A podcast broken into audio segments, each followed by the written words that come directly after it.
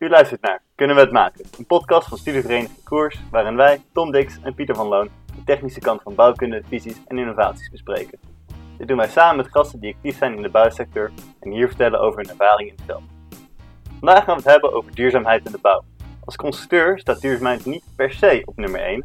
De constructieve veiligheid en de maakbaarheid zijn onze kernbezigheden. Toch hebben constructeurs en andere bouwkundigen veel invloed op hoe duurzaam een gebouw is. Met name de materiaalkeuze en de bouwmethodiek kunnen veel invloed hebben op de indirecte CO2-uitstoot van de bouw. Maar hoe weet je nou wat de beste keuze is? Daarvoor zijn tools bedacht zoals het Milieuprestatie Gebouwen, of de MPG, en dan, dan nog wat uh, generieker, de levenscyclusanalyse, of een LCA. En met deze tools wordt de hele levensloop van een product geanalyseerd op milieu-impact, van grondstofdelving tot productie, transport, gebruik en einde leven. Uiteindelijk levert dit bij de NPG een score op die bleken, zoals wij, inzicht geeft over hoe duurzaam een product is in de vorm van schaduwkosten. Om meer inzicht te krijgen over deze ingewikkelde wereld vol met afkortingen, hebben we vandaag de directeur van Nibe over de vloer. Uh, Nibe is een bedrijf dat zich specialiseert in NPG-scores berekenen. Uh, in andere woorden, zij houden zich bezig met hoe duurzaam zijn de producten die wij gaan gebruiken in de gebouwde omgeving.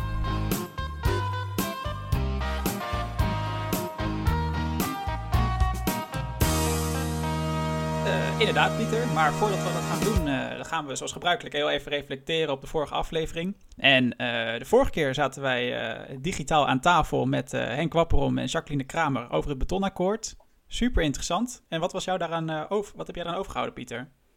Ik vind het wel grappig op zich wat dat betreft dat we deze, deze podcast achter elkaar hebben. Want op een bepaalde manier hebben we twee keer een beetje hetzelfde. We gaan het twee keer hebben over duurzaamheid en twee keer net niet helemaal over onze kernbezigheid.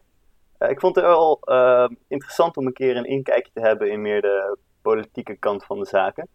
En ook wel interessant om te horen dat politici toch wel anders antwoord geven dan ingenieurs. Om het uh, ja, ja, zo merk, te verdomen. Dat merk je wel een beetje inderdaad hoor. En het is, het is ik vind het sowieso leuk om, want het was dus een, een dubbel interview eigenlijk. Uh, en dat was aan de ene kant Henk, uh, Henk Wapperom, die uh, vanuit de betonvereniging nou, ontzettend gedreven is in beton, maar ook echt zeg maar het, ja, zo goed van de rand weet. En, en Jacqueline Kramer, die, die noemt zichzelf meer een transitiemakelaar. ja, dat is ook heel interessant om, om dat perspectief een keer te horen. Want wij, wij ja, hardcore techneuten, die ondanks dat de verkiezingen eraan komen, houden ze ons al weinig bezig met politiek. Uh, volgens mij over het algemeen. Dus die mix vond ik echt uh, heel interessant uh, om een keer ja, te, te, te, te, te spreken. Voor mij was het een mooi kijkje onder de motorkap van, van politiek en beleidsmaking. Dus ik vond het wel, het gaf wel hoop wat dat betreft. Ze hadden wel, het klonk wel alsof ze goed hadden nagedacht om zoveel mogelijk de samenwerking te stimuleren over zoveel mogelijk plekken van de sector. Precies. Dat was, dat was ja. Dus absolute tip als je, mocht, je, mocht je hem nog niet geluisterd hebben, doe het dan zeker nadat je deze hebt uh, geluisterd. Want vandaag schuiven we aan uh, met Mantijn van Leeuwen. En zoals uh, Pieter net al zei, Mantijn is directeur en senior adviseur bij het NIBE. En ehm, Mantijn die heeft gestudeerd in Delft, waar, waar Mantijn chemische technologie afronde in, en in Rotterdam aan de Erasmus Universiteit bedrijfskunde volgde. na het afronden van bedrijfskunde volgde hij een promotieonderzoek aan de TU Delft op het gebied van chemische technologie. Uh, na zijn studie heeft hij, hij, tien jaar gewerkt bij DSM, waar hij veel bezig is geweest met, innovatief, uh, met innovatie en marketing. Uh, en ook was je hier betrokken bij veel start-ups en bij het project Water for Life. Vanaf 2008 heeft Mantijn verschillende rollen ingevuld in de bouwsector om vervolgens in 2015 bij Nibe te gaan werken. En sinds 2016 ben je hier ook algemeen directeur. Welkom Mantijn. Ja, dankjewel jongens. Leuk. Heb ik het een beetje goed geformuleerd? Uh, zat er nog iets foutjes tussen?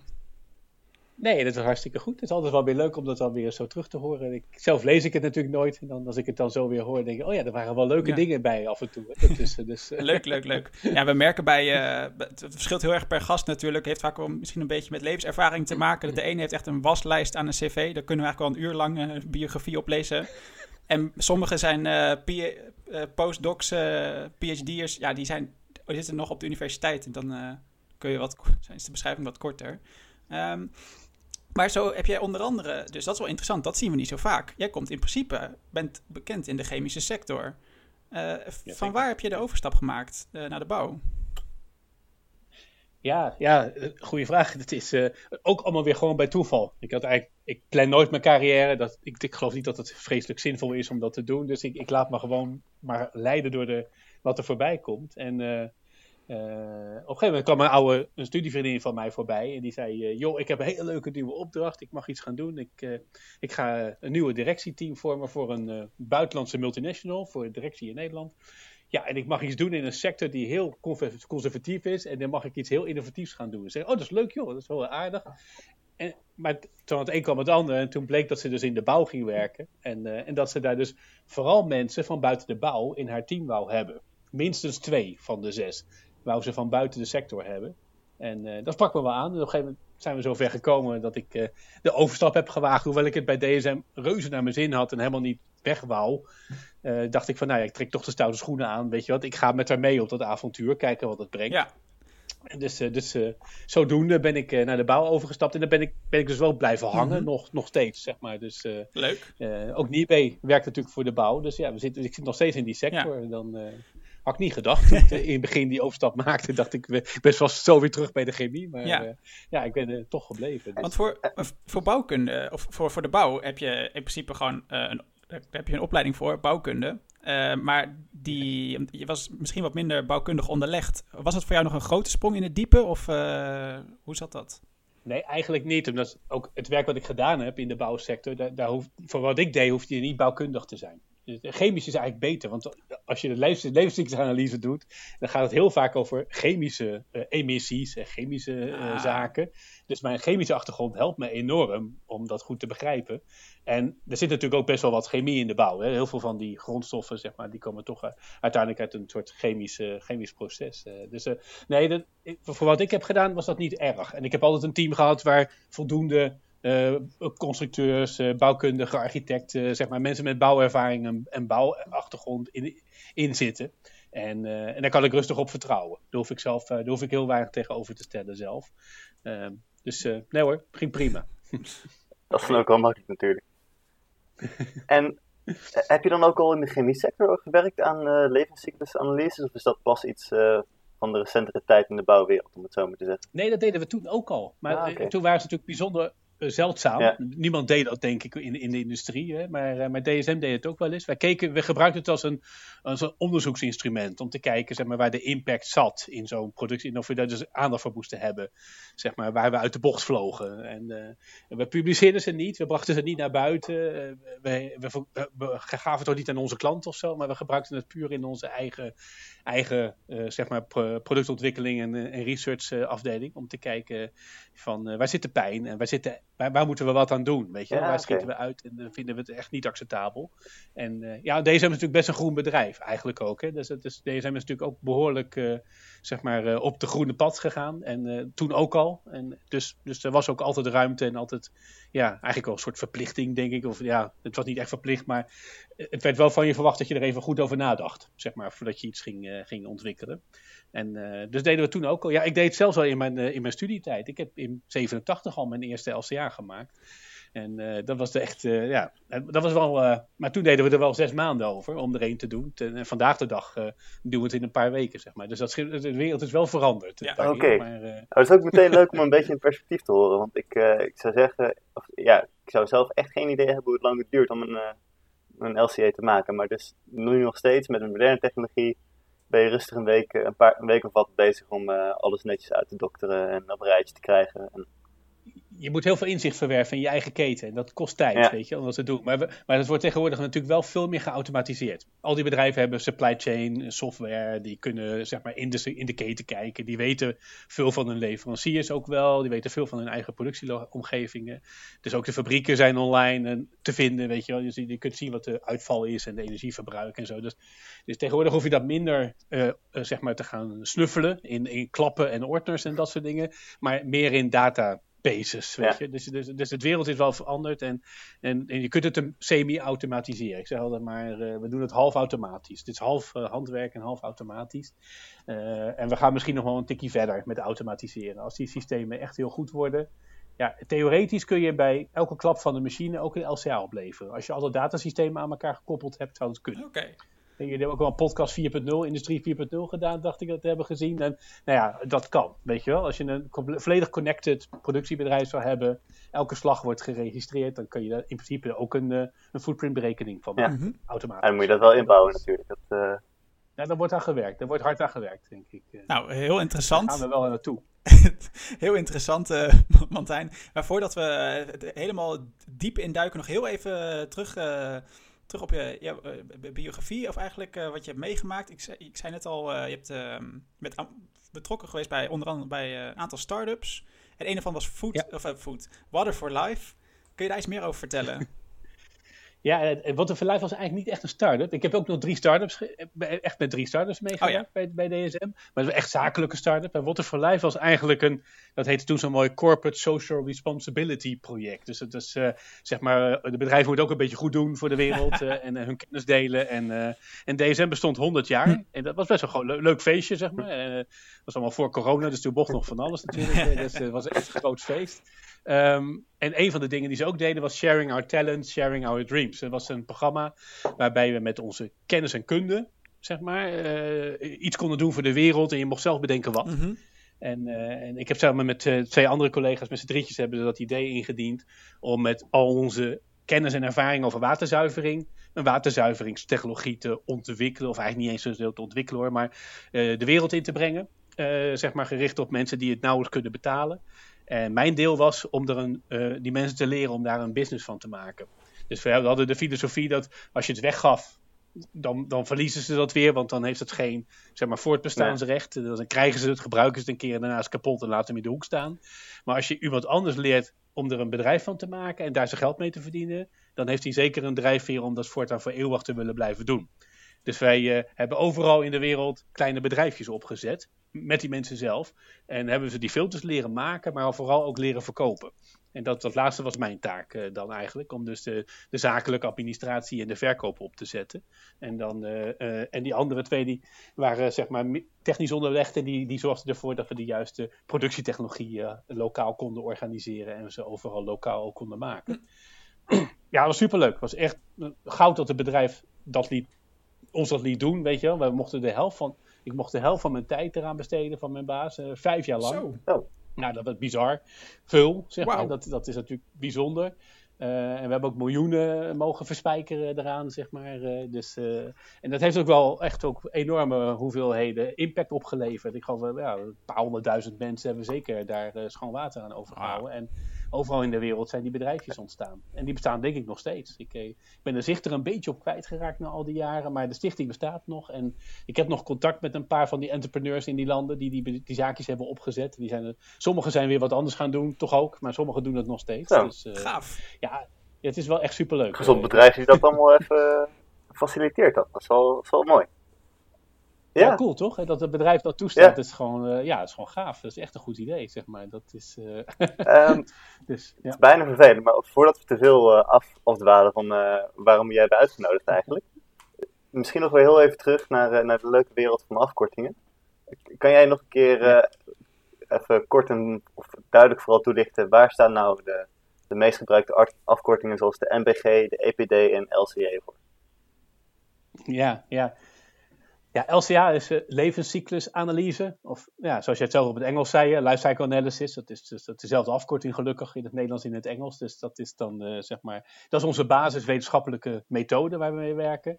Um, maar dat is een analyse. Dat is nog geen eindresultaat op een productniveau. Maar dat is een EPD. Een EPD is een Environmental Product Declaration. Dus een product-milieuverklaring in het Nederlands. En dat is dus een verklaring op productniveau van de resultaten van een LCA. En EPD's zijn dus belangrijk, want daarmee communiceren we de resultaten. Dus dat, dat, dat kun je op internet heel makkelijk vinden.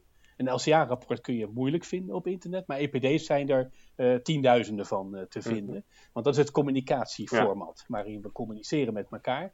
En dan hebben we ook nog in Nederland Milieuprestatiegebouw, MPG. En dat is dus maar de Nederlandse manier om alle LCA's, of alle EPD's zo je wilt, in een gebouw op te tellen tot een totaalscore voor het gebouw. Dan hebben we ook nog de MKI, Milieukostenindicator. En die wordt in de infra gebruikt om alles op te tellen tot een infraproject. Bijvoorbeeld een brug of een weg of een tunnel. En dan hebben we ook nog de NMD, de Nationale Milieudatabase. Want daar staan al die getallen in.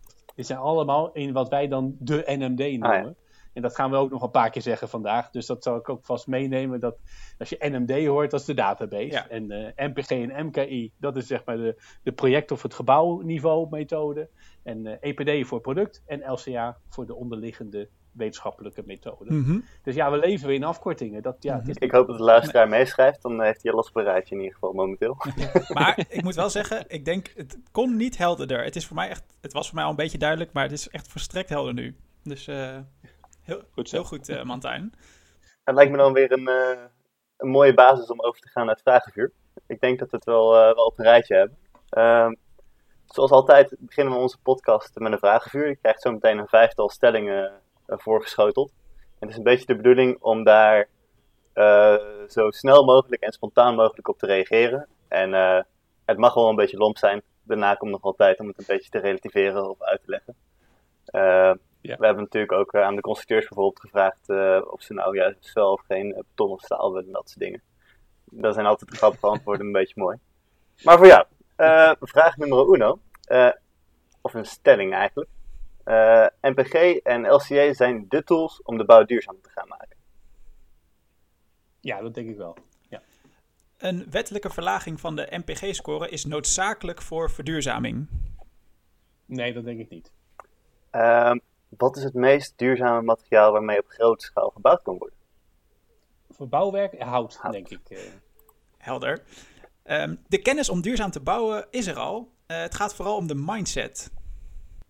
Nee, nee, is niet helemaal waar. We, we missen nog een paar dingetjes uh, die nog uh, ontwikkeld oh, kijk, dat is ook interessant. Um, volledig circulaire bouw is te realiseren. Of is haalbaar?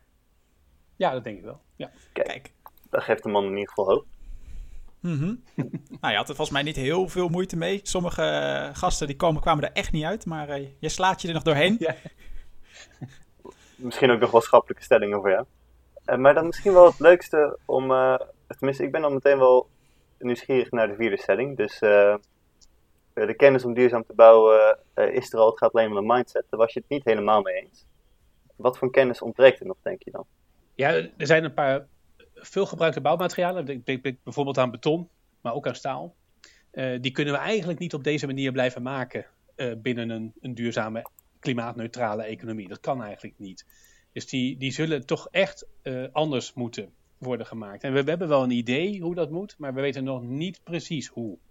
Eh, op labniveau en op, op, op, eh, zeg maar pilotschaalniveau zijn er al hele grote vorderingen gemaakt. En dan komen we echt wel in de buurt van ja, carbonneutraal uh, staal en carbonneutraal cement, zeg maar even. Dat, dat, ik denk dat het perspectief wel gloort aan het eind van de tunnel. Maar er zit toch zeker vijf tot tien jaar technologische ontwikkeling nog wel in voordat dat werkelijk zou gaan. En dan nog opschalen naar wereldwijd productieniveau. Dat kost natuurlijk ook nog 20 jaar of zo, of 30 jaar. Dus, het, dus we zijn er zeker nog niet. Het, het ligt ook niet allemaal kant-en-klaar op de plank. En dat, uh, want anders zou het alleen maar implementeren zijn. Maar dat is het niet. Er zit ook nog een stuk development aan vast. Uh. En misschien wel interessant, nog een beetje voor uh, extra achtergrond. Ik heb best wel vaak gehoord, en je leest best wel vaak dat beton CO2-uitstoot en, en staal ook. En bij staal vind ik het redelijk makkelijk te verbeelden, want staal moet je op ontzettend hoge temperaturen versmelten. Dus ik kan me voorstellen dat daar nog wel een beetje CO2 aan te pas komt, zeg maar. Um, ja, ja. Eh, kan jij ook uitleggen hoe dat bij beton zit?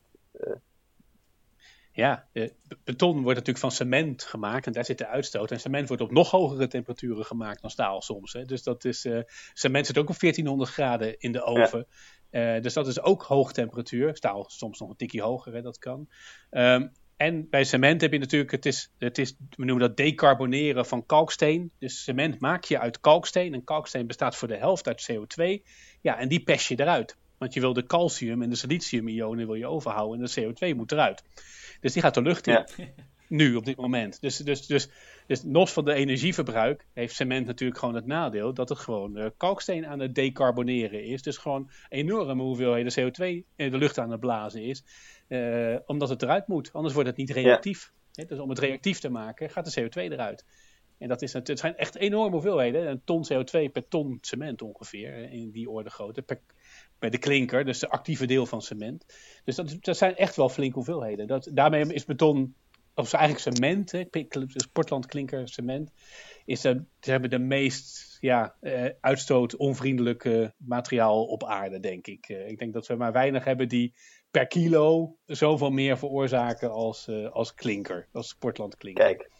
En gelukkig hebben we natuurlijk niet alleen maar Portland klinker nodig om mee te bouwen. We dat weten jullie als constructeurs. Je kan natuurlijk ook naar een hoogovercement of een, een samengesteld cement gaan. Hè? SEM 2, SEM 3, SEM 4. En dat wordt zelfs maar beter. Maar uh, de klinker zelf is natuurlijk een, uh, een heel naar, uh, ecologisch heel naar Dat blijft nog een beetje een heikel. Oké. Okay. En het, gelukkig is beton natuurlijk, even voor de, voor de luisteraar die niet heel erg gespecialiseerd is in beton. beton is natuurlijk veel meer dan alleen cement. Je gooit er ook nog een nodige hoeveelheid zand en grind bij, waardoor... ik weet niet of Ton toevallig weet wat het volumepercentage van cement en beton is, maar ik geloof dat het ja, weet Mantijn ook wel. Ja, 12 procent. Ja, 12, tussen de 12 en de 14 procent is dat uh, doorgaans. Dus, uh, mm -hmm. dus de rest is water, zand en grind. Dus dat, dat valt wel mee, want die hebben nauwelijks milieulast ja. eigenlijk. Dus uh, ook zand- en grindwinning heeft ken, eigenlijk in Nederland nauwelijks milieulast. Heel klein beetje, maar, maar dat valt in het niet, echt, echt in het, volledig in het niet bij de cement natuurlijk. Nee. Dus, Nee, precies. En uh, het lijkt me nog wel interessant om uh, daar ook nog even straks op door te praten. Ook misschien over die, uh, de, de potentieel van alternatieve bindmiddelen en gewoon een CO2-arm beton eigenlijk. Ehm, maar daarvoor nog even, nog heel even terug op de, het vragenvuur. Je, over de, de stelling net die ik aan je voorlegde, Mantijn. Um, een wettelijke verlaging van NPG-score is noodzakelijk voor verduurzaming. En daar zei je nee. Dus het is niet per se, het hoeft niet vanuit de overheid gestuurd te worden, zeg jij daarmee? Nou, dat bedoel ik eigenlijk niet. Want ik, ik denk wel dat de overheid een hele belangrijke rol speelt. Maar uh, de MPG, die, die, zit nu ook in ons bouwbesluit. En er zit een grenswaarde aan vast. Dat weten jullie ja. waarschijnlijk. Ja. Hè? Dus je mag in Nederland niet meer bouwen boven een waarde van 1 euro schaduwkosten dan per vierkante meter per jaar. Maar dat is puur een achterblijversmiddel. Dat is puur om, te, om, de, om de achterhoede, ja. de, de bezemwagen. Ik heb een van de hoogste ambtenaren in het gesprek ooit letterlijk zelf horen zeggen: We zien de MPG als een bezemwagen. Echt? Maar ja, kijk, een bezemwagen, daarmee win je geen, geen Tour de France, ja. weet je wel. Dus, dus, dus, dus een bezemwagen, ja, dat is wel relevant voor de praktijk, maar niet voor onze algehele prestatie van waar we met z'n allen zitten. Dus ik heb veel meer het vertrouwen in dat er zeg maar, op, moet, op wordt aanbesteed. Dat je op die NPG werkelijk zou aanbesteden. En dat je degene die beter is, dat je die een gunningsvoordeel geeft of een prijsvoordeel geeft. En dat wordt ook wel veel gedaan. Ja, en dat werkt wel extreem goed. Ja. Weet je, we zijn toch een heel kapitalistisch ingesteld systeem. Dus als je de ondernemer de kans op meer geld biedt met betere prestaties, dan gaat hij die betere prestaties ook echt wel voor je proberen te organiseren. Mhm. Dus je moet alleen maar uh, duurzame prestaties te belonen. En dan gaat hij als een dolle gaat hij dat proberen in orde te maken. En dat, uh, dat is ook precies wat er gebeurt in sommige sectoren. Maar dat heeft natuurlijk wel tot gevolg dat de kostprijs misschien een klein beetje zou stijgen, Mhm. tijdelijk, weet je wel. Want de een is wat verder dan de ander en de slimme ondernemer is de rest een beetje voor. Dus die weet dan meer geld te krijgen voor zijn geld, voor zijn ding, weet je. Dus da- daar betaal je dan ook even voor, totdat de rest hem weer ingehaald heeft. Mhm. Dus je, je, als je echt beloont, en, dat, en ik ben daar een groot voorstander van, want het is het meest effectieve middel wat we hebben, echt, echt gunningsvoordeel geeft, ja, dan betaal je een klein beetje meer. Maar dan krijg je ook veel Ja. meer. Mhm. En voor een publieke opdrachtgever lijkt me dat prima. Het is ons publieke geld. En als Rijkswaterstaat 1% meer voor zijn wegen moet betalen, maar ze zijn wel 20% duurzamer, dan vind ik dat prima. Weet je, ik, ik kan dat wel begrijpen. En dan, eh, Mhm. en dan vind ik het wel een, eh, een uitstekend mechanisme om dat in te zetten.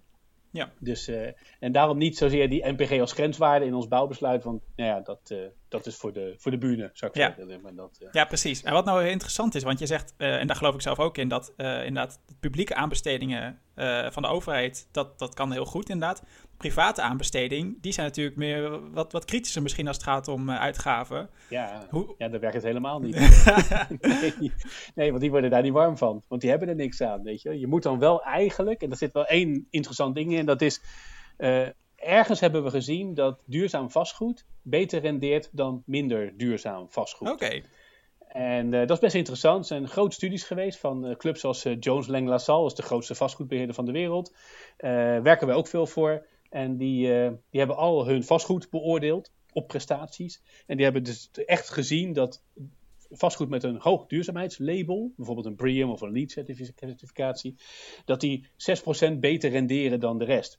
En dat is voor hun best wel veel geld. Dat is, dat is voor hun alle reden om daarop in te willen zetten.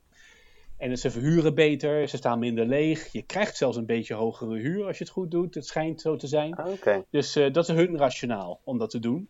Ja, en om een duurzaam gebouwlabel te krijgen, zit bijvoorbeeld ook weer duurzaam beton erin. Dat, dat kan helpen om een duurzaam label te krijgen. Weet je. Of in houtbouw kan ook een duurzaam label geven. Dus, dus dat werkt dan toch ook wel weer voor die private jongens. Mhm. Maar die, die, moeten dus een, die moeten wel een duidelijk voordeel eruit kunnen halen zelf. Daar moeten ze wel echt van overtuigd zijn. En dat, uh, bij vastgoed lijkt dat te lukken. Oké. Dat is dus, een leuk eh, inzicht. ja. Eh, voor een eigen woningeigenaar, voor mijn eigen woning bijvoorbeeld, zou dat uh, niet werken volgens mij. Heb ik daar nog helemaal, tenzij ik het zelf graag wil, hè, vanuit eigen motivatie. Maar anders zit daar dus niks in, nee. wat mij dan iets gaat opleveren. Ja, misschien tegenwoordig hoorde ik een groene hypotheek. Het schijnt zo te zijn okay. dat als je een BG-waarde heel goed is van je woning, heb ik gehoord, dat je een betere hypotheek kan krijgen bij sommige banken. Interessant. Zit eraan te komen of het is er al. Dus, dus dan, dan, dan zou je, ieder die een eigen huis gaat bouwen, zou dus de, zijn aannemer kunnen aansporen. Breng die NPG-waarde een beetje omlaag voor me, want dan krijg ik een betere hypotheek. Ja, ja, dat is ja. wel cool. Dat zou wel Grappig. zou dan kunnen werken. Over het algemeen in ieder geval een mooie positieve instelling. Hè. Zoveel mogelijk belonen van, van goede innovaties. En dan ja, de stok achter de deur is maar uh, sowieso als het gaat uh, om het te verbeteren. Ja, ja, ja we, mensen gaan toch stokken proberen te vermijden. Ja. Dan gaan ze sjoemelen, dan gaan ze dat vermijden. Weet je, ja, kijk naar de Volkswagen dieselschandaal. Als je een hele zware stok of een hele strenge drempel legt, ja, ze moeten eronder door, want anders mogen ze geen auto's verkopen. En wat, ja, ze kunnen het niet, dus wat gaan ze doen? Klooien. Ja. Ja, ja, dat, dat gaat het dan toch. Hè? Dus, uh, dus je kan wel hele strenge dingen willen eisen, maar uh, ja, dan gaat, gaat, iedereen helemaal los in zijn fantasie om eronder uit te komen. Dus dat, uh, dan moet je het ook nog heel streng gaan bewaken ja, dan krijgen we een heel ingewikkeld systeem met z'n allen. Weet je, dat is. Uh, ja. ja. maar je zegt dat een uh, NPG van 1 euro nu, zeg maar, waar die momenteel op staat, dat is een bezemwagen. Maar als je dus, en dat is aangekondigd, sterker nog, dat zou eigenlijk al zo moeten zijn volgens mij, 0,8. Uh, of 80 cent eigenlijk.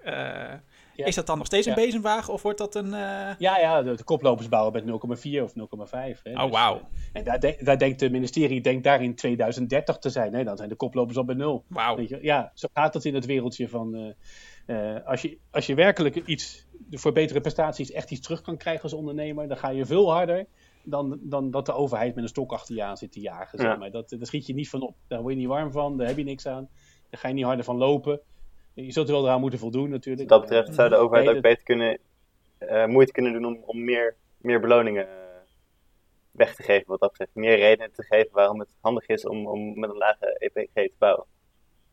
Ja, ze moeten waarschijnlijk beide doen. Hè. Dus we, zullen, we zullen wel een soort minimum eis ook moeten hebben. Ik bedoel, die moeten ook bestaan. Want ja, dat is het wel. Maar de overheid is natuurlijk ook de grootste opdrachtgever in ja. Nederland. Hè. Dus de overheid koopt zelf natuurlijk waanzinnig veel in. Ook gebouwen.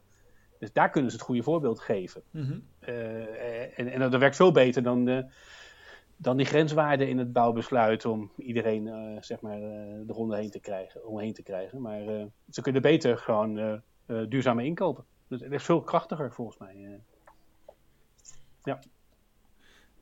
En weer even terug naar, naar, de, naar de andere, of naar, naar de kern, naar jouw bedrijf. Um, Niebe, het is natuurlijk ook een afkorting misschien ook wel interessant om te weten, waar staat die afkorting voor? ja, het staat niet meer voor wat we zijn, maar wat, wat, we, wat we waren misschien meer. Want het is het, Nederlands Instituut voor Bouwbiologie en Ecologie. En uh, zeg maar, uh, bouwbiologie, dat is een, is een stroming uit de jaren 80, 90, die toen even heel sterk opkwam. Uh, zeg maar, met biologische materialen bouwen. Hè? Dus met leem, met leemstuk, met kalkhennep en dat soort Ah, zaken. Uh, best een hele interessante bouwwijze. Ook heel goed voor je als uh, bewoner van zo'n pand. En gezond voor je en milieuvriendelijk. En, en onze opdracht, onze, onze, onze founder, onze stichter, die, Michiel Haas, die was architect en ook bouwbioloog. En die wou dat gedachtegoed heel graag verspreiden, ook in Nederland. En die heeft daar dus het Nederlands Instituut voor Bouwbiologie en Ecologie voor opgezet. Maar dat is eigenlijk ook weer uit beeld verdwenen. Dat is weggevaagd een beetje. En dat is ver, ver, vervaagd. Mm-hmm begint nu weer terug te komen, interessant genoeg. Dus nu komen er weer wel weer mensen die de opleiding gaan volgen. En er komen nu wel weer vragen van, hey, is dat niet een hele leuke, interessante bouwwijze? Maar ondertussen is, is Nederland natuurlijk volop in uh, kalk, zandsteen, beton en staal gaan bouwen. En is dat bouwbiologische bouwen is nooit echt doorgedrongen. Dat is, dat is nooit van de grond gekomen. Dus uh, we noemen onszelf nog steeds NIBE, maar we zijn niet meer met bouwbiologie en ecologie zozeer ja. bezig. Maar eigenlijk duurzaamheid in brede zin. Hè, duurzaamheid, circulariteit, milieuprestatie, klimaatverandering, broeikasgasemissies. Dat, dat is waar het vandaag de dag echt om gaat. En, uh, en minder met onze, ja, onze roots, zeg maar, waar we ooit uit ontstaan zijn. Maar, uh, maar we streven een volledig duurzame bouwsector na. En uh, ja, dat, dat, dat, doen we nog, dat, dat vinden we nog steeds wel bij Nibé passen. Weet je, dat ja. is, dus we kunnen nog zo prima blijven heten. Dat, dat werkt nog wel. ik moet zeggen, ik had er pas de afkorting gegoogeld nadat uh, Tom er opeens van, oh ja, het is natuurlijk een afkorting, waar staat het eigenlijk voor? Het is misschien ook wel goed om eens een keer... Ja, zo was, zo was DSM natuurlijk ook ooit een afkorting. Ja, ik zou moeten zeggen dat ik die ook niet Dat willen ze ook niet meer weten, want ja, dat heeft niks meer met hun huidige bedrijf te maken, maar meer met hun roots. Maar weet je wel, dus je kunt je naam wel houden, of, dat doen wij ook, maar we korten hem niet, we gebruiken alleen nog maar de afkorting, we schrijven het niet meer ja. uit. Weet je wel, dat is, het is meer een begrip geworden wat dat betreft meer een begrip ja. te worden. Ja, ja precies. Uh, nou, ja. wat dat betreft, als ik er nog één leuke mag toevoegen. Want uh, dat, de, de BAM staat ook nog steeds voor uh, Bataafse aannemermaatschappij. Ja, dat is volgens mij niet alleen maar de Bataaf, Batavieren dat, die de opdrachten leveren tegenwoordig. Nee. nee, precies. Dat, zeg, dat hoor je ze ook nooit meer zeggen. Nee. Hè? Dus als ze dus jaarcijfers gaan voorlezen, dan nee. gaan ze ook niet zeggen: wij zijn de Bataafse aannemersmaatschappij. precies, ja. hey, maar um, terug naar het heden, Martijn. Want uh, wat zijn nou precies de, de, de services en diensten die, uh, die Niebe allemaal uh, kunnen leveren eigenlijk? Daar was ik wel benieuwd naar. Ja, ja we, hebben, we hebben onze missie. wij willen dat de bouw verduurzaamt. En we denken dat dat het alleen maar kan als iedereen die een keus kan maken op een bepaald moment, bijvoorbeeld jullie, hè, als je een constructie gaat ontwerpen, dan heb je een moment dat je een keus kan maken, dan moet je over milieudata kunnen beschikken, wil je die keus ook bewust duurzaam kunnen maken. En dat is onze missie. Wij willen dat iedereen ten alle tijden, overal, altijd, gratis milieudata ter beschikking heeft. Dat is eigenlijk onze belangrijkste drive. En we denken, door dat te doen, dat, dat we het ons daarvoor inzetten, dat dat eh, het beste helpt om de bouw te helpen verduurzamen. En, puur, en daarnaast moeten we ook geld verdienen. En dat doen we door advisering. Dus we adviseren iedereen die dat wil met onze kennis en kunde en met onze inzichten. En we stellen voor de industrie stellen we dus LCA's op. Mm-hmm. Zodat ze hun data op een genormeerde, gecertificeerde wijze kunnen laten zien.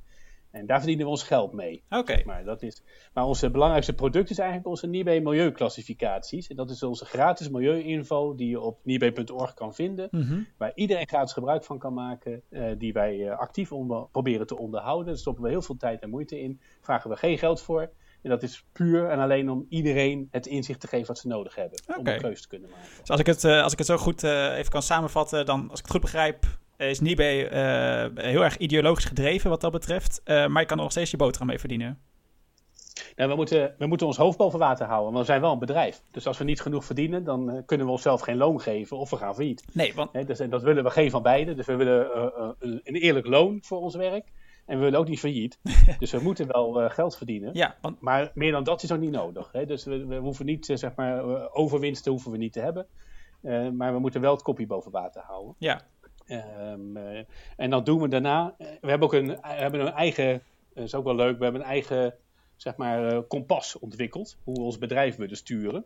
We, hebben een zelfsturend team. Dat moet ik misschien als eerste zeggen. Dus ik stuur het bedrijf niet. Maar dat doet, doet het team zelf. Hè. Dus ik ben niet in de lead. Maar het, het team is in de lead. En we hebben een kompas voor onszelf gemaakt. Waarop we willen varen. En dat gaat over drie dingen. En dat de eerste is impact. Dus we maximaliseren onze maatschappelijke impact. Dat is ons hoogste doel. Het tweede is uh, werkgeluk. We moeten het wel leuk blijven voor onszelf, zeg maar. Dus dat is, uh, we willen wel leuk werk hebben om te doen en daar gelukkig van worden. En het derde is, we willen zakelijk niet naïef zijn. Dus we willen ook niet het gekke Henkie zijn, zeg maar, die dan het kaas van de brood laten eten als het niet nodig is. Dus, dus we willen zakelijk wel, zeg maar, kundig zijn en een goed bedrijf hebben en het kopje boven water kunnen houden. Maar impact en geluk staat eigenlijk voor. Klinkt als een ontzettend ja, leuk bedrijf op deze manier. Ik, uh, ik wou dat het allemaal zo werkte. ja. ja. Um, maar wat ik wel, wel interessant vind, want je had het erover uh, dat met Niebe een van jullie belangrijkste dingen is een, een, een gratis, een gratis benadruk je de hele tijd, uh, database vrij te geven aan, ja, aan iedereen die het maar wil zien. Um, ja. Maar eerder hadden we het ook al over, uh, met afkortingen vuur, hadden we het over uh, de nationale milieudatabase, geloof ik. Ja. Um, ja, ja. hoezo is die niet dan gratis en inzichtelijk? Ja, die is niet van ons, die is van de stichting en die moet ook zijn geld verdienen, dus die vragen daar geld voor. Ik ben daar niet zo heel gelukkig mee hoe dat gaat. Wij, wij zijn wel founder hè, van de Nationale Milieudatabase. Ooit is die ontstaan uit drie databases, die van Nibe en twee mhm. andere. Uh, in 2010 is het volgens mij gebeurd. Uh, toen zeiden van, nou, we hebben drie databases en die hebben ook iets verschillende uh, waardes, zeg maar. Dat is een beetje onhandig voor de markt. We gaan ze fuseren tot één en dat noemen we dan de Nationale Milieudatabase. En daar is een stichting voor gekomen, die zei van, dan gaan wij dan wel beheren, die database. Nou ja, die stichting kreeg geen geld van de overheid, dus die moesten hun eigen broek ophouden. Ah, okay. Dus die moesten een beetje geld verdienen. Dus die zijn natuurlijk geld gaan vragen voor het uh, in de database zetten en het gebruiken van data. En uh, daar zijn ze een beetje in doorgeschoten. Dus da daardoor is het ook zo ja, uh, onhandig geworden dat A, je kan er niet in kijken. En B, om erin te komen moet je betalen. Dus, dus, dat, en dat heeft wel drempels opgegooid voor het gebruik van die database. En dat is bedoeld omdat die stichting natuurlijk zijn, zijn, ja, zijn kosten voor beheer en onderhoud uit die database wou halen. Uit het gebruik van die database wou halen. Niet heel gelukkige keus geweest en het ging allemaal heel lullig weinig geld. Dus ik denk dat het beter het ministerie had kunnen zeggen: joh, wij betalen dat en hè, klaar. Weet je wel, gratis, iedereen mag het hebben, iedereen mag erin. Uh, hij is gratis, uh, op alle manieren. Dat zou veel beter zijn, echt veel beter. Maar ja, helaas, die, die keuze is niet genomen. En uh, in het buitenland soms wel. Hè? Dus er zijn buitenlandse databases die zijn uh, zeg maar uh, vijf jaar later ontstaan en zijn nu al vijf keer zo groot. Die zijn wel gratis. Mag je gratis in, mag je gratis in kijken, mag iedereen mag het eruit gebruiken. Weet je wel? Dat is een heel ander model. Maar u mag moet natuurlijk de beheerskosten opvangen. Dat, er is al een rekening, ja, ja. altijd. Dus nou, in Nederland hebben we dus een, een, een misschien met nader inzien een wat ongelukkigere keus misschien gemaakt in het begin. Waardoor die dus ja, niet goed van de grond is gekomen. En nog steeds niet is, denk ik. Dat is ook nog steeds niet helemaal goed. Eh, dus nog steeds is die, je kunt er nog steeds niet in kijken. Vind, vind ik super storend, want ik wil gewoon dat iedereen dat moet kunnen zien. Maar ja, dat kan dus niet. Je kan alleen maar inkijken via een erkende software-instrument. Dan moet je dan een licentie opnemen en dan kun je erin kijken. Maar dan kun je er nog niet in kijken, want in die software-instrumenten, die, die zijn natuurlijk niet bedoeld om erin te kijken. Die zijn bedoeld om sommetjes mee te maken. Dus je kan nog steeds die database niet goed zien. En je kunt hem er ook niet makkelijk uithalen, wat mensen dan toch proberen. Ja, Dus er zitten eindeloos veel mensen in Nederland uh, die getalletjes met de hand uit die software te pulken en in Excel te stoppen. En dan, uh, dan verlies je ook de link. Hè? Dan wordt het niet meer geüpdate. Dan heb je een, een standalone uh, kopietje van dan en dan. Nou ja, die is morgen alweer verouderd. Het is nou, één grote drama. Dus het is gewoon zo. Eén grote nachtmerrie. Dus en jullie proberen dan parallel daaraan een beetje jullie eigen database op te bouwen die dan... Nou nee, dat, we hebben eigenlijk beloofd dat we dat niet zouden doen. We hebben gezegd we zullen één database ah, hebben. Dat is dan de Nederlandse waarheid. En dan gaan we geen tweede naast zetten eigenlijk. Maar we hebben wel onze eigen gehouden, gelukkig. Want uh, onze milieuclassificaties die draaien op onze eigen database. Maar die database aan zich die publiceren we niet. We publiceren alleen de milieuclassificaties, het eindresultaat ah, daarvan. Okay. Ja, ik zit er nog steeds over te twijfelen, want ik heb een, ik heb, volgens mij heb ik een veel betere database uh, dan de nationale milieudatabase is. ja, en ik wil hem wel beschikbaar maken, maar ik heb afgesproken dat ik het niet zal doen. Wauw. Dat is, uh, ja, dan fiets ik hun weer door de wielen als ik het dan weer wel ga doen misschien en zo. Dus, uh, en, en, je zei dat... Dus ik doe het... en in sommige Europese landen is die wel gewoon vrij beschikbaar? Ja. Ja, in Duitsland is hij gratis. Mag je gratis erin, dan kun je hem gratis raadplegen. Iedereen mag hem downloaden. En waarom zouden wij daar geen gebruik van maken? Of is Duitsland toch echt wel heel anders dan Nederland? We hebben, Nederland heeft een afwijkend systeem. Ja, ja. ja, het is wel dezelfde Europese norm, maar we hebben wel uh, specifieke Nederlandse eigenaardigheden erin gebracht. Uh, en we willen dat als je een officiële berekening maakt, dat je dan wel die Nederlandse eigenaardigheden ook gebruikt ja, het gaat een beetje ver om ze helemaal uit te leggen hoor. Maar als ze nog eens een podcast erover willen doen, dan kan ik je uitleggen wat ze zijn en waarom we ze hebben. Maar uh, ja, je kunt eigenlijk die Duitse ook best wel goed gebruiken. Als je een eigen ontwerp wil doen, een ontwerpopgave wil maken, zeg je dan gebruik gewoon die Duitse database, hoe cares. Dat, dat, is niet zo wezenlijk ja. anders. He, dat, uh, er zitten dan niet de Nederlandse scenario's niet goed helemaal precies in.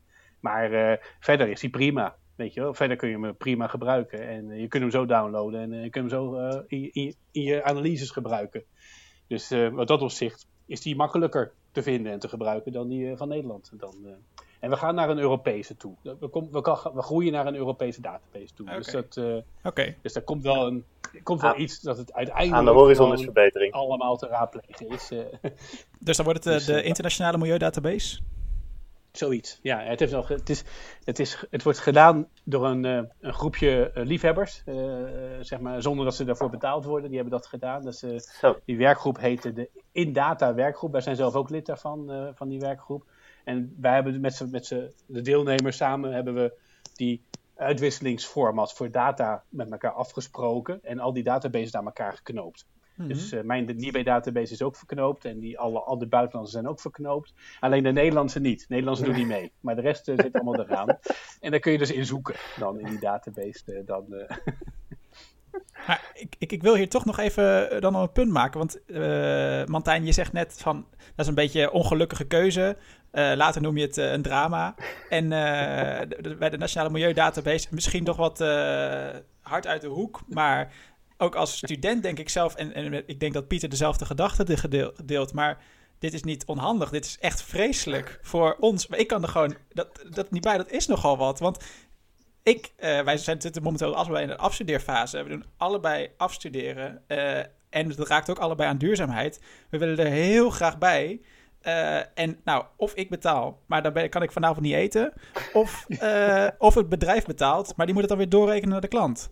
En ik zit nu ik zit even gewoon voor beeldvorming, want het kost geld. Wat betekent dat dan? Ik zit nu op de site van de Nationale Milieudatabase. En gewoon staat hier dat de entree fee, gebruik van de gehele database, eenmalig voor 15.000 euro ben je er nog niet. Ja, om hem te gebruiken. Om er een instrument op te bouwen. Moet je één keer 15.000 betalen. Maar, en daarna minder per jaar. Maar het is een soort entry fee. Ja, daar, daarmee leg je wel een hoge drempel neer van mensen die nieuwe instrumenten willen ontwikkelen. Ja. dat is wel jammer, zou ik zeggen. Want ja, eigenlijk zouden jullie als studentenvereniging ook je eigen instrument kunnen maken als je het leuk vindt. Precies. Uh, maar ja, je moet wel één keer 15.000 euro ophoesten. Dat is een beetje jammer natuurlijk dan. Uh, uh. Maar dat, dat wil, ik, wil ik maar zeggen dat je zegt, er is dan een, een ongelukkige keuze gemaakt. Maar ik maak ook wel eens een ongelukkige keuze. En dan probeer ik van mijn fouten te leren. Ja. En dan probeer ik dingen recht te zetten. Ja, ja. Dit is toch gewoon, kunnen we, kan, kan, kunnen we hier niet vanaf? Kunnen we dit niet nationaliseren? Uh, ja, ik heb het al vaak voorgesteld van jongens, kunnen we dat niet gewoon opengooien en zoek een ander verdienmodel, weet je? Of zoek een ander financieringsmodel, maar in godsnaam uh, kap je mee. Nou ja, waar is niet, heel, waar is niet gevoelig voor, dus dat komt blijkbaar niet om de een of andere reden. Ik, ik weet niet precies waarom. Maar ze hebben nu een nieuw bestuur. Ik heb de nieuwe directeur net gesproken vorige week, de kennismaking. Oké. Dus uh, we zullen kijken. Misschien, dat, uh, zeg maar, misschien verandert er wat. Wie weet. weet je? Dat, ik, ik geef hem alle voordeel van de twijfel. Omdat hij zeg maar, helemaal vers blad heeft. Dan kan hij uh, deze keus maken. Weet je wel? Door het gewoon vrij te geven. Het is al een paar keer aan ze gevraagd van maak dan op zijn minst. Er zijn, er zijn, twee soorten data in die database, hè, jongens. Dat is, er staat generieke data in. Dat is dus zeg maar Nederlands gemiddelde data. Ja, die zijn door publiek geld gemaakt. Hè? Dus die zijn publieke data. Precies. Dus ik zeg, nou, die moeten gratis zijn. Er kan geen twijfel over zijn. Er staat ook industriegegevens in van de industriële partners. Ja, daar heeft de industrie dan ook wat over te zeggen of ze willen dat dat wordt vrijgegeven. Dus als ze dat dan niet willen, uh, moeten we dat niet doen. Mhm. Oké, maar, maar, laten we dan op zijn minst die generieke set gewoon vrijgeven voor iedereen. Want die is met publiek geld opgesteld en uh, zit in een publieke, ja, dus is een private database, maar ik zou zeggen, gooi die open. Ja. Deel dat met iedereen. Dat is van de week ook nog twee keer aan hem gevraagd, nog weer in, in sessies door mensen. En ik denk dat hij het gaat doen. Nou, ik, denk dat, ik denk dat dat eraan komt. Dat, dat gaat gebeuren. Nou, dat klinkt heel dan, hoopvol. Dan zijn we één stap verder. Weet je, ja. dat is alvast uh, één stap vooruit. Dan, uh... Ja, precies ja. Want ik denk, ik denk ook gelijk aan vanuit mijn studentenperspectief. Kijk, wij maken ook gebruik van bepaalde software natuurlijk, die voor de buitenwereld uh, soms duizenden euro's kost. Maar wij hebben natuurlijk ja. studentenlicenties. Zou een studentenlicentie voor het NMB bijvoorbeeld mogelijk zijn?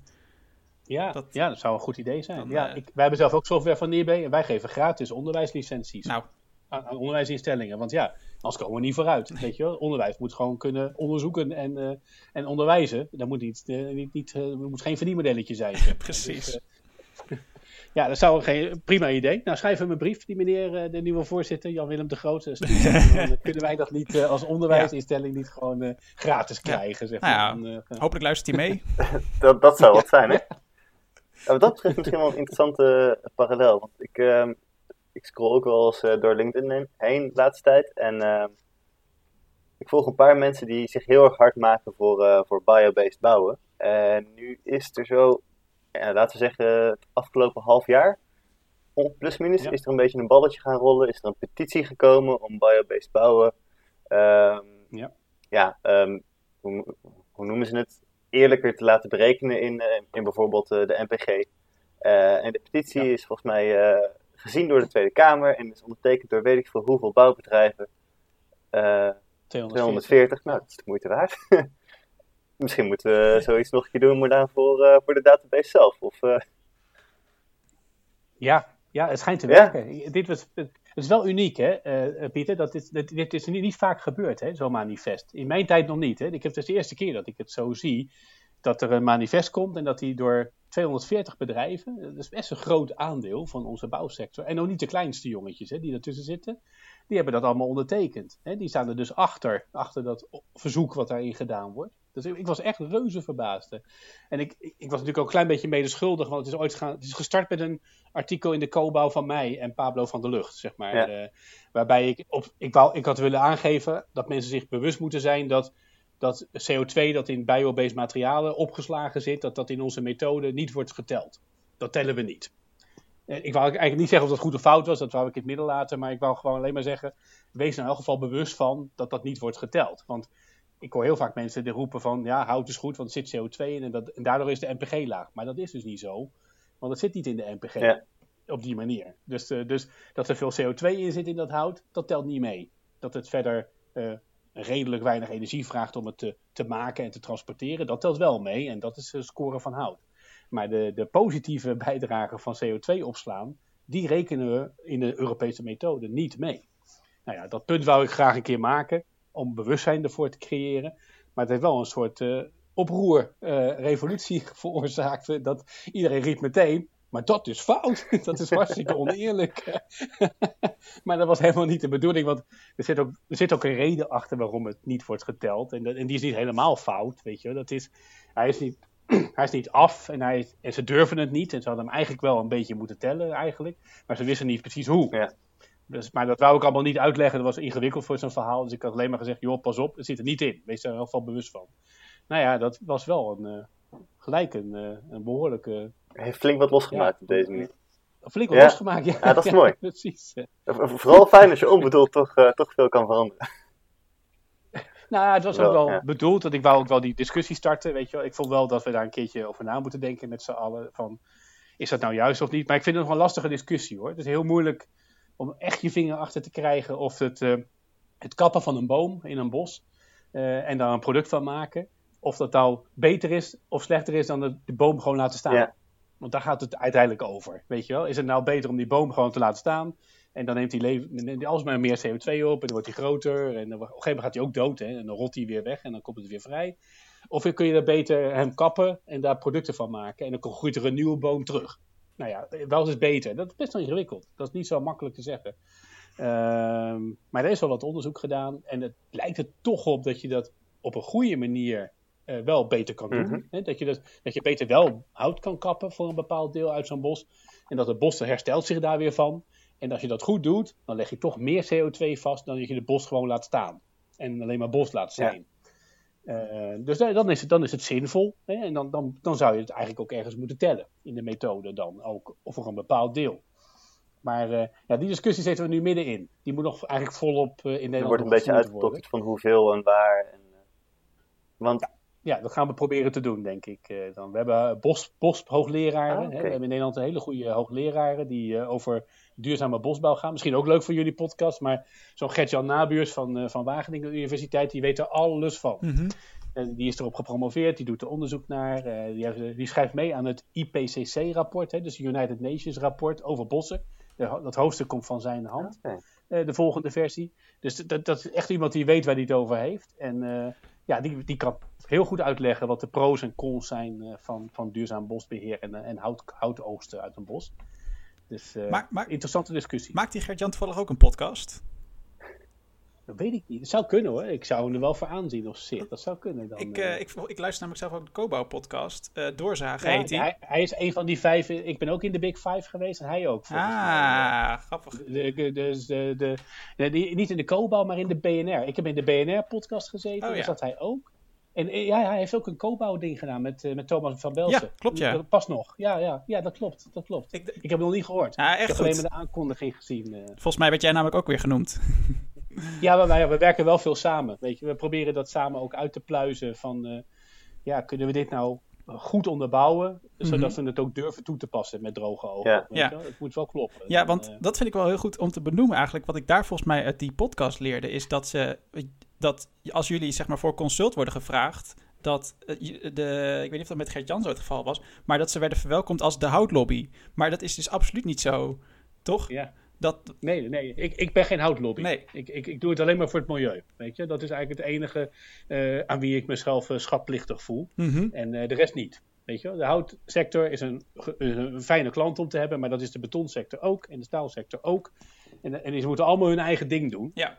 Maar uh, het milieu heeft geen woordvoerder. En dat proberen we dan toch wel te zijn. Weet je wel? Dus ik, uh, ik probeer vanuit maatschappelijk belang te denken. Van waar hebben we hier nou als maatschappij het meeste aan? Precies. En dan, uh, ja, en dan maakt het me verder niet uit uiteindelijk mm -hmm. zeg maar, hoe we dat gaan doen. Ik, ik zou mezelf ook zeker niet als een houtlobby willen zien. Nee, want laten we dan toch nog even over die. Um, wat jij zegt, gebruik gewoon het beste materiaal wat het uh, ja, meest maatschappelijk verantwoord is op milieugebied. Ja. Op die vraag die Pieter net aan het begin stelde, zei je hout. Nou, is, dat was dat ook natuurlijk even één keuze. Wat je zegt, maar je zegt natuurlijk eigenlijk, zoals we allemaal ook wel weten, pas materiaal toe waar het best het gunstige is. Is, en zoals we ook net aangaven, we hadden het net over beton natuurlijk, met een wat minder duurzaam imago. zit, is, is het zeg maar ja, is daar, is daar ruimte voor? Hoe, ziet dat, hoe, ziet, hoe zien die traditionele materialen er in de toekomst uit? Kunnen, in hoeverre zijn die toekomstbestendig op milieugebied? Ja, ze zijn, uiteindelijk zijn ze prima te verduurzamen, toch? Mhm. Ik kom zelf ook uit, ik heb natuurlijk in de beton- en cementsector uh, jarenlang gewerkt. En vooral op de innovatie- en duurzaamheidsafdelingen, dus ik weet er ook alles van. Ja, ze hebben de oplossingen wel in beeld. En ze kunnen het ook zeker wel uitvoeren. Het beton wordt dan misschien wel... Uh, Zeg, zeg altijd maar voor de grap twee keer zo duur. Ja. Misschien. Weet je, het kan best zo zijn hè, dat je twee keer zo mhm. duur wordt. Maar dat vind ik echt geen issue. Beton is zo knettergoedkoop. Dan denk ik van ja, hoe cares of beton twee keer zo duur is. Dat zou me echt. Ja, dat maakt voor bouwwerk echt niet uit. Weet je, dat is. Uh, Wauw. Dus ik, ik, zou het niet erg vinden. Maak beton twee keer zo duur en maak hem CO2-neutraal. Dat lijkt me een prima deal. Mhm. Voor staal is het wat complexer. Dus al die staalprocessen die zijn iets lastiger te verduurzamen, maar het kan ook. Mhm. En dan worden ze misschien net wat meer duurder van. Dat weet ik niet of ik niet helemaal te zeggen, maar uh, die worden dan ook wel fors duurder van. Maar uiteindelijk zijn ze allemaal prima te verduurzamen. Ik denk ook dat ze gedwongen moeten worden om dat ook gewoon te doen. Mhm. Ze moeten ook allemaal gewoon die stappen nemen. En dat moeten ze in hun prijs verwerken. En daar moeten ze duurder van worden. Maar dan moeten we ze natuurlijk wel een beetje beschermen tegen importen van buiten Europa. Want anders verliezen we al onze eigen industrie. Ja, ja en dan verduurzamen we de industrie en daarna gaan ze failliet. hebben we er ook niks aan. Nee. Dus, uh, dus ze moeten ze wel houden. Hè? Dus we moeten de industrie laten verduurzamen en daarna beschermen. Ja. Want anders dan is het oneerlijk uh, voor ze. Ja, precies. dat, er zijn mechanismes voor te bedenken, dat kun je ook prima doen. Ja, ik denk dat ideale bouwwerken in de toekomst zijn toch hybride bouwwerken volgens mij. Mm -hmm. Weet je wel, een stijve kern in een hoogbouw is hartstikke nuttig. Ja. En dat ga je niet met hout halen. Dat gaat niet, weet je. Daar, moet je zo verschrikkelijk veel hout voor toepassen. Dat is dom. Ja. Dus dan zou je een betonkern in moeten zetten. Weet je, mhm. dat lijkt me echt veel beter. En ook als je massa wil hebben, om de een of andere reden, voor thermisch of voor, uh, weet je, ja, dan moet je de betonnen vloer in leggen. Ja. Weet je wel, dan heb je massa. Uh, dus je, je, moet, je moet gewoon, ja, je moet ze op hun kracht inzetten, maar ze moeten wel allemaal verduurzamen. Mm Ze moeten allemaal zeg maar even CO2-neutraal of bijna CO2-neutraal worden, wat mij betreft. Eh. Ja. En dat is ook allemaal te doen. Het, is, uh, het speelveld zal wel een beetje verschuiven qua kosten, denk ik. Dus de, de, kostprijs van de materialen hebben we ook een studie naar gedaan. Die gaan wel een beetje uit de pas lopen van elkaar mhm. ten opzichte van nu. En dus biobased materialen worden wel veel goedkoper waarschijnlijk dan, dan de thermische materialen, zoals baksteen, glas, beton, staal. Mhm. Ja, die gaan wel echt wel in kostprijs stijgen dan. Uh, Dus die, uh, die zullen allemaal een tikje duurder worden. En daarmee zul je zien dat er verschuivingen komen. Ook in de voorkeur van, van bouwers en ontwerpers. Dat die vanwege kostprijs ook gaan schuiven. Mm en, en verder zul je zien dat sommige eigenschappen zijn onverslaanbaar. Ja. beton heeft natuurlijk een ijzersterke propositie gewoon als materiaal. Dus dat, ja, dat zal altijd zijn plek houden. Dat, dat moet wel zo zijn. Precies. Nog, nog heel even voor die, die betonprijs. Want wat je zelf zegt van uh, maak beton uh, een duurzame variant, die is dan neem pak een beet uh, twee keer zo goedkoop. Um, maar even kijken. nou ben ik hem kwijt. oh ja, dat, dat, dat moet natuurlijk, het is natuurlijk vraag-aanbod verhaal. En er moet natuurlijk wel uh, voldoende afzet voor zijn. Ik bedoel, je gaat niet voor één kuub uh, duurzaam beton maken. Er moet wel eigenlijk direct, zeg maar, ook gewoon een uh, ja, schaalvoordeel hebben.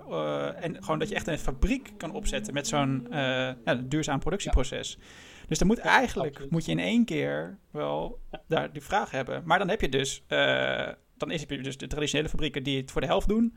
En de duurzame fabrieken die het voor ja, duurder doen. En dan heb je het misschien weer bij dat duurzaam aanbesteden. Absoluut. Nee, dan kom je bij dezelfde overheid weer terug volgens mij. Want het is de enige die de kracht en de macht heeft om dat te doen. Zij moeten leading customer hiervoor zijn. Het staat ook in hun eigen manifest. Hè. Dus de overheid heeft ook een soort strategie voor verduurzaming. Er staat in, wij zullen launching customer zijn voor veelbelovende technologieën. Nou, dat moet ze ook doen. Ja. Dat moet ze ook zijn, echt zijn. Hè. Daar moet ze ook voor betalen. Mhm. Dus die duurzame beton, daarmee win je de contracten van het Rijksvastgoedbedrijf of van Rijkswaterstaat. Zo moet het gaan. Of van ProRail, ja. of van het havenbedrijf, of van, weet je. Zo moet het gaan. Mhm. En als je die dan hebt gewonnen, dan kun je daar je meeste kosten op kwijt.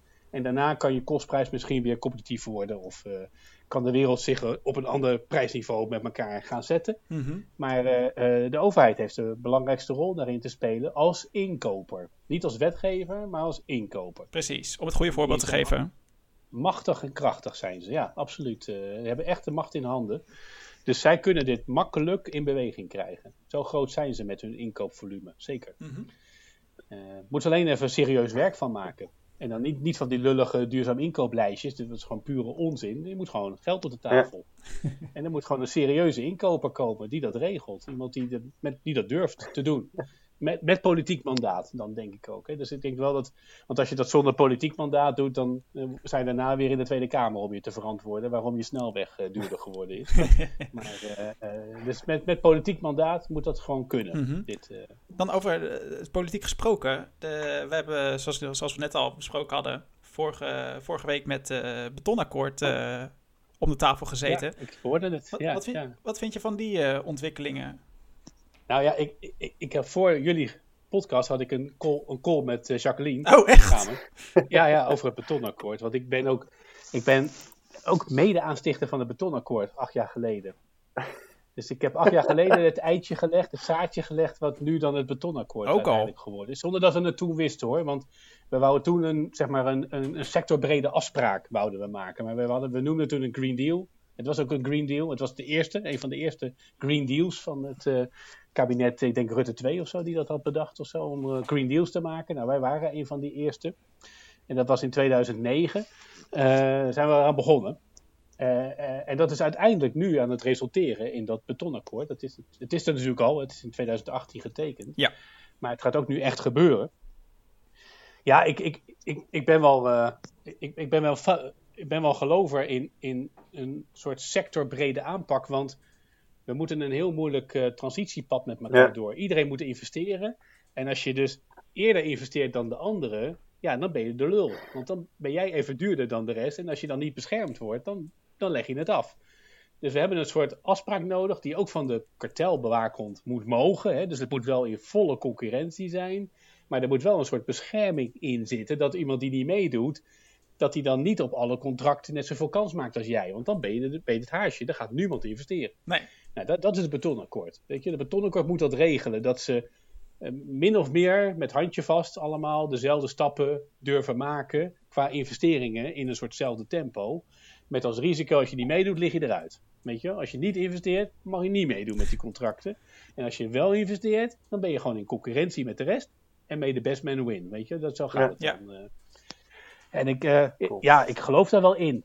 Maar het is natuurlijk, ja, hoe weet je dat? Het, is, het, het heeft geen precedent. Het is unprecedented. Hè? We hebben geen, geen voorbeeld van een sector die dat zo heeft. En het is best wel. Uh, we hebben het ook laten toetsen door de NMA. Het is ook getoetst door Brussel. En die vonden allebei dat het kon. Dus ja, ja oké, okay, doe maar. Ja, maar het invoeren is nog lastiger dan we dachten, geloof ik. ik geloof dat Jacqueline heeft de handen vol aan om het ingevoerd te krijgen. Oh ja?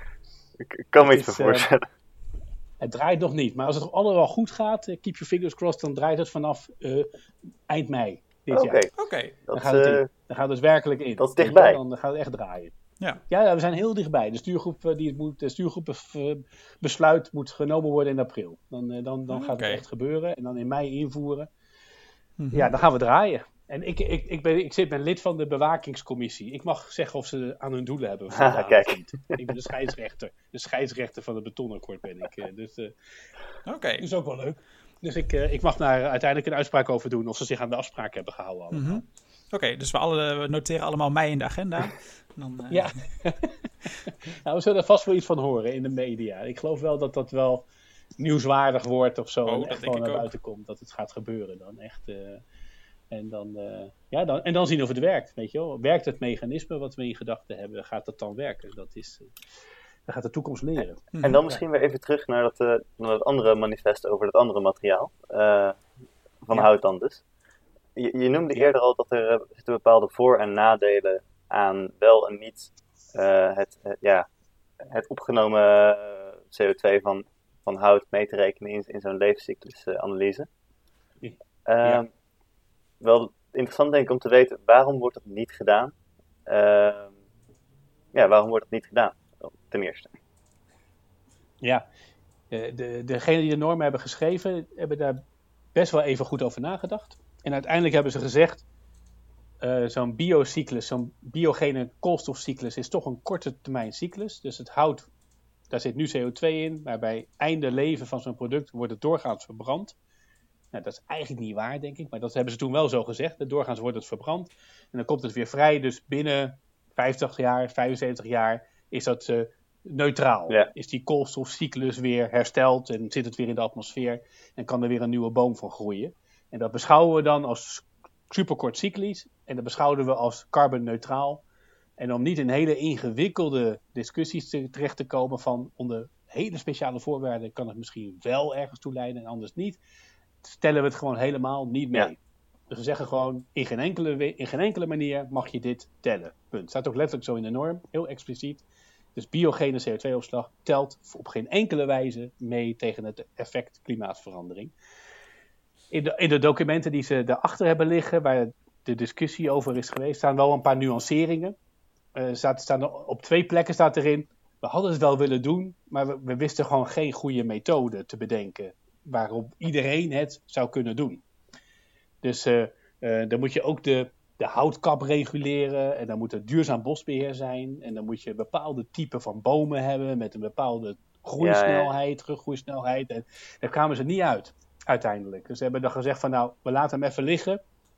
in deze versie van de norm, want hij moest onder hoge tijdsdruk moest hij af we komen er niet uit. We laten hem even zo liggen. Uh, het zit er niet in. Sorry. Want als je hem wel wil hebben, moet je natuurlijk kunnen garanderen dat het wel zo is. En moet je jezelf niet kunnen rijk rekenen wat dat betreft. Ja, maar tegenwoordig hebben we natuurlijk. Ik heb een iets andere visie over. Want we, gaan, we werken aan de circulaire economie. En we willen klimaatneutrale economie hebben na 2050. Ja, ik denk dat we niet zomaar meer hout zullen verbranden, dan ook niet. Dat staan we gewoon niet toe. Ja. Er mag geen koolstof meer vrijkomen. Dus we gaan hout ook niet verbranden, denk ik meer. Dan gaan we het liever uh, pyrolyseren of uh, lignine terugwinnen of uh, in een biorefinery douwen en wat anders van maken. Maar we gaan natuurlijk heel voorzichtig zijn met carbon-emissies. Mm -hmm. Dus ik kan me gewoon niet voorstellen dat al het hout dat nu verbruikt wordt, einde levensduur gewoon weer verbrand mag worden. Ik geloof dat gewoon niet meer. Dat gaat gewoon niet gebeuren. En dan is het plaatje echt heel anders. Want dan gaan we wel koolstof semi-permanent of heel lang vastleggen. En dan is het plaatje zonder meer dat je er wel moet tellen. Dan moet je misschien nog een aftrek doen voor de teruggroeitijd van de boom. Weet je wel, want die boom moet wel eerst nog teruggroeien. Dus in een zeg maar, beheerd bos eh, moet er ook weer groei plaatsvinden. En je hebt een soort carbon schuld. Als je een boom kapt, heb je een soort koolstofschuld.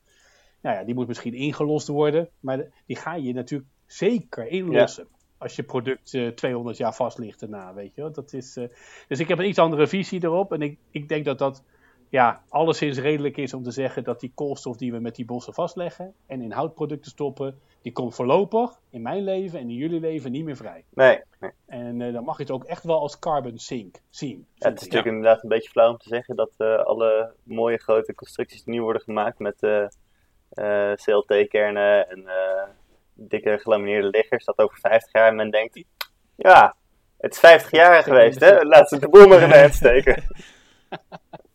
ja, nee, precies. Dus dat, die, dat zijn hele waardevolle producten. Daar gaan we mhm. echt weer wat anders van maken. Of die gebouwen blijven misschien wel eeuwig staan, wie ja. weet. Dus, uh, dus ja, nee, dus, dus het plaatje is aan het veranderen. Dus die oude zienswijzes uh, gaan gewoon niet meer op, denk ik. Die moeten we gewoon uh, overboord gooien. En dan, dan moeten we de norm ja. ook herzien, denk ik. Maar tegelijkertijd is het ook niet inzichtelijk momenteel om, om überhaupt een beetje gevoel te krijgen voor, voor de gemiddelde leek van hoeveel CO2 er nou eigenlijk in zo'n product zit, of wel? Als in de, de MPG, nee. dat is gewoon één platgeslagen getal altijd. Als ik me niet vergis. Nee, je kunt hem uitklappen, hè, Pieter. Je kunt hem in de software kun je hem openklappen en dan kun je ook CO2 aflezen. En je kunt het ook nog eens een keer in de nieuwe software-instrumenten per module zien. Hè? Dus over productie, levensduur, ah, einde levensduur. Dat is ondertussen gebeurd. Apart. Ja, dat is ondertussen gebeurd, gelukkig. Hè? Daar hebben we twee jaar op moeten wachten, want de softwareontwikkelaar van de stichting die had wat uh, tijd nodig om het in orde te krijgen, zeg maar. Maar het is gelukt, we hebben het.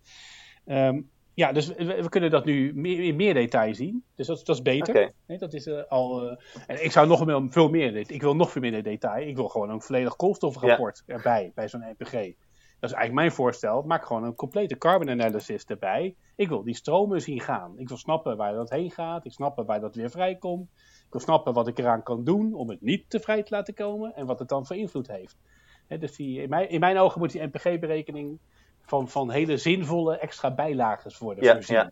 Want alleen dat NPG-getalletje, ja, het is leuk om op te sturen, maar het, het geeft geen inzicht. Het is te weinig om uh, op te besluiten. Je kunt er niet op, op het ontwerpen, je kunt er niet op uh, sturen, weet je, effectief. En je weet als gebruiker niet hoe je aan, aan die knoppen kan draaien. Dus ik, ik, ik kan anders. Ja. Dat kan veel beter. Maar heel, heel even terug, want um, ik, ik heb toevallig een keer eerder bij jou in een vergadering gezeten dat het hierover ging. En toen was de MPG-score nog maar één getal en had je nog niet aparte modules. Uh, ik vond dat toen heel verbazingwekkend en frustrerend.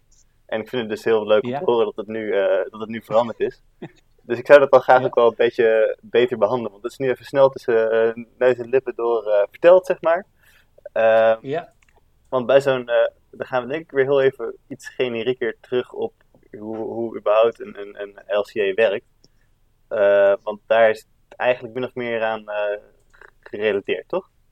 Dus je, hebt, je, ja, ja, je, je behandelt je product, je analyseert je product op uh, drie essentiële fases. En je hebt een soort van bonusfase waarin je kan zeggen: hey, als je hem nou niet aan het eind van het leven in de prullenbak gooit, dan kan je nog deze uitstoot uitsparen.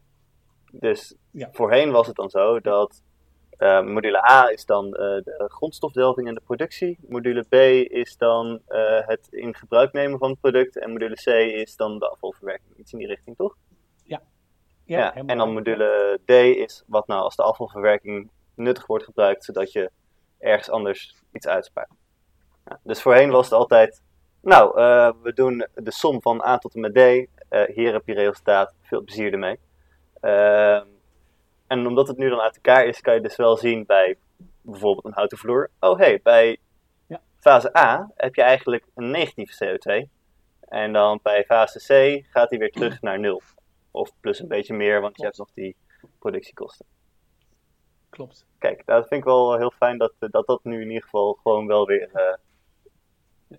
En er zit nog één nuance in, hè, Pieter. Dat is dat uh, die opname, waardoor die in module A dan negatief mhm. wordt. Uh, die hebben we pas sinds januari nu in de methode. Dus die zit nog niet in alle productkaarten zo verwerkt. En voorheen deden we in Nederland, om het makkelijk te houden, deden we biogeen maar met nul. Dus nul erin, nul eruit, want dan kun je ook geen fouten ah, maken.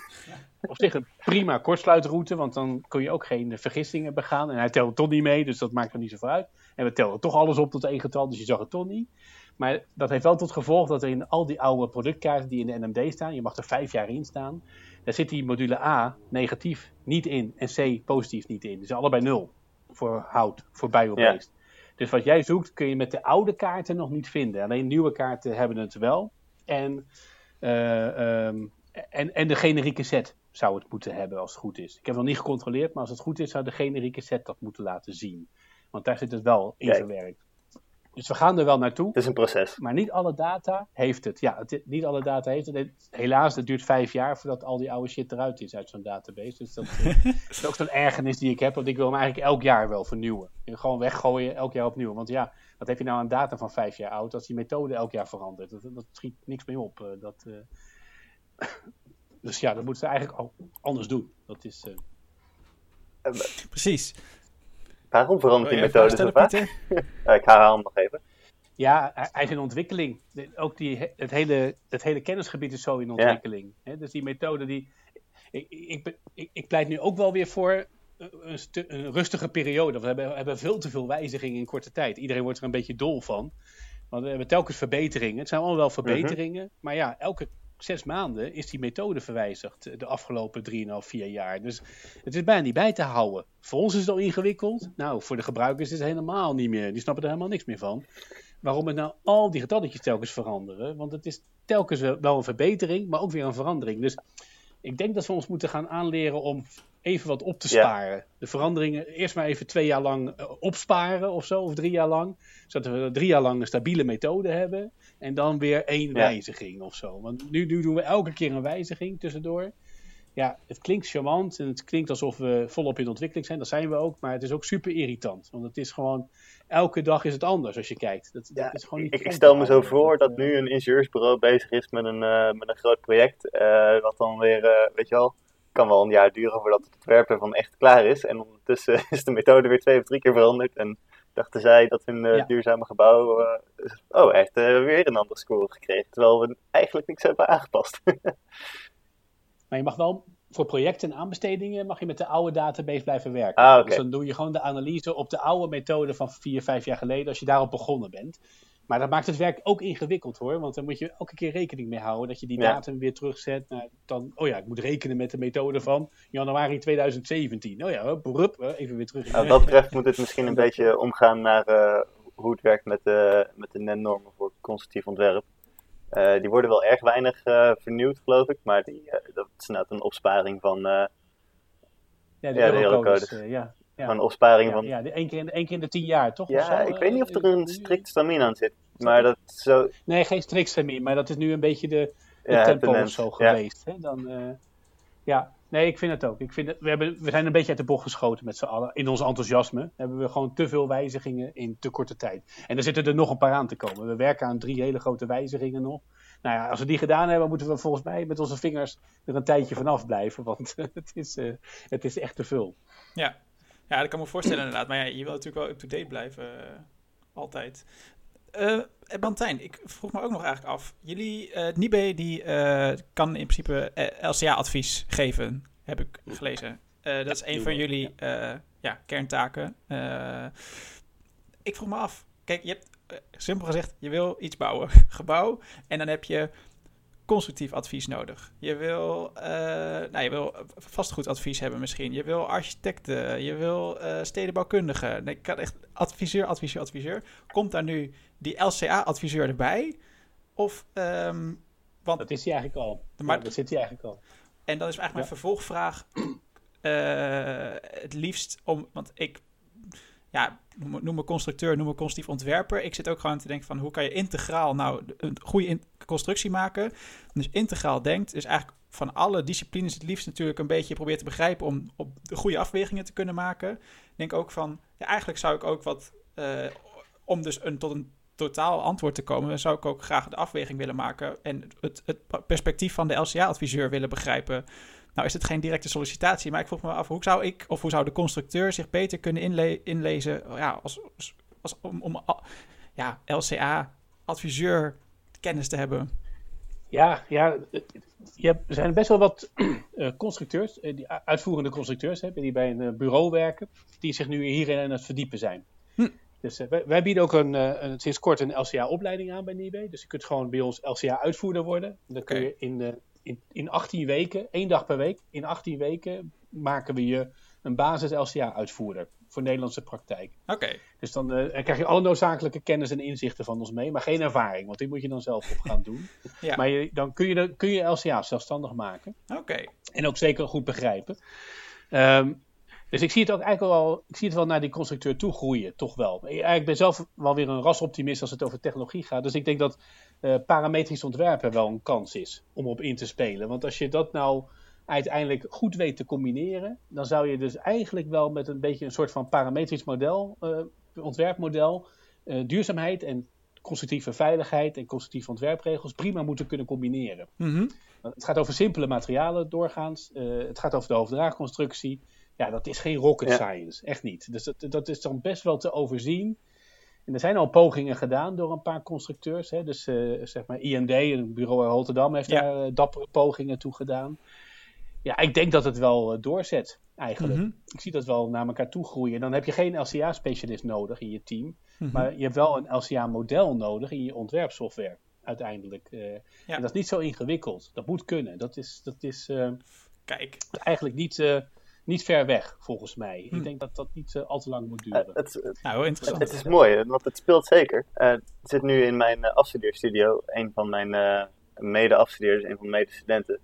Die is ook onlangs begonnen. En volgens mij uh, wilt hij ongeveer uh, dit raakvlak uh, wilt hij op afstuderen. Dus hij is nog een beetje zoekende. Oh Misschien moet ik hem maar even jouw kant op wijzen. Maar hij wil graag een parametrisch model maken waarbij met een beetje schuiven aan de knoppen inzichtelijk wordt wat, zijn nou, de, wat is nou de impact van de vroege beslissingen van de stramienmaat, van de materiaalkeuze, van de stabiliteitssystemen. Wat is dat nou voor de invloed van ja, de, de duurzaamheid, de MPG-score of de wat dan ook.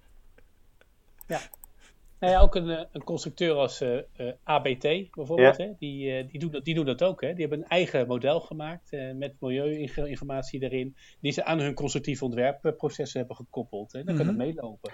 Ja. Hè? Dus, en ik zie het ook echt wel in, in BIM-software terechtkomen dadelijk. En ik zie het ook echt wel in zeg maar, ja, ontwerpmodellen aanhaken. Dat, dat gaat echt wel gebeuren. Dat is, mm -hmm. dat is ook hartstikke logisch om ja. te doen denk ik. En dan kan je natuurlijk ook goed inspelen op die, op die aanvragen die, die dat waarderen, die het belangrijk vinden om duurzaam te zijn. Ja, ja zeker. zeker. Ik um, dus, uh, ben bang dat we. Ja, sorry, het, dit is altijd een moeilijk moment. maar ik ben bang dat we moeten afsluiten ondertussen. Um, heb je misschien nog een, een, een laatste uh, mooie praktische tip of een praktische plek om te kijken voor, uh, voor ons en alle geïnteresseerden om om duurzamer te werk te gaan. Of, of, om onze kennis vandaan te halen, om ons beter te wapenen. Ja, goed, jeetje. Nou, ik, nou ik, ik, laatst heb ik met, met, met het bureau in Rotterdam, IMD, hebben we een sessie gehad. Een, een soort deep dive van nou eens echt de vinger erachter krijgen wat je met beton kan doen in jouw constructieve ontwerp. Zeg maar, wat is nou de vrijheid die je hebt met die betonmengsels? Wat doet dat dan met duurzaamheid? Wat doet het dan met zeg maar, uh, constructieve eigenschappen. Uh, waar zit nou dan de pijn en waarom gaan we nou niet gewoon met z'n allen een beetje afwijken van de eurocodes misschien, als het mag of kan, of een beetje afwijken van de betonnormen waar het kan en mag, om uiteindelijk tot betere ontwerppraktijk te komen. Ja, ik vond het super interessant en we hebben best wel aan iets geraakt wat volgens mij wel potentie heeft. En dat, dat zou natuurlijk super leuk zijn voor jullie als, uh, studentenvereniging, zeg maar, om daar wat mee te doen, weet je wel? Dat, om die werelden aan elkaar te knopen. De, de werelden van de, de milieudeskundige, die veel van dingen weet, en de wereld van de betontechnoloog, die veel van beton weet, en de constructeur, die van constructies wat weet. Maar ze moeten naar elkaar toe. Het moet eigenlijk bij, bij elkaar komen in, in, één, in één geheel, want ze raken elkaar gewoon zo volop. Mhm. Eh, en ik heb er altijd een beetje over verbaasd waarom we niet vaker met elkaar aan tafel zitten dan. In, dan weet je wel? Ik heb ook een beetje verbaasd waarom de betontechnoloog en de constructeur niet meer met elkaar praten. Waarom hebben die niet meer interactie? Want ja, ze kunnen elkaars werk zo enorm beïnvloeden. En het eindresultaat komt uit hun beide kokers. Weet je, dat, dat levert het eindresultaat uiteindelijk op. Dus ik, uh, ik vind dat toch wel ja, vind het wel echt wel interessant. En StuVip en StuTech, hè, die, eh, die uh, studieverenigingen, die hebben daar ook interessante studies naar gedaan en uh, rapporten over geschreven.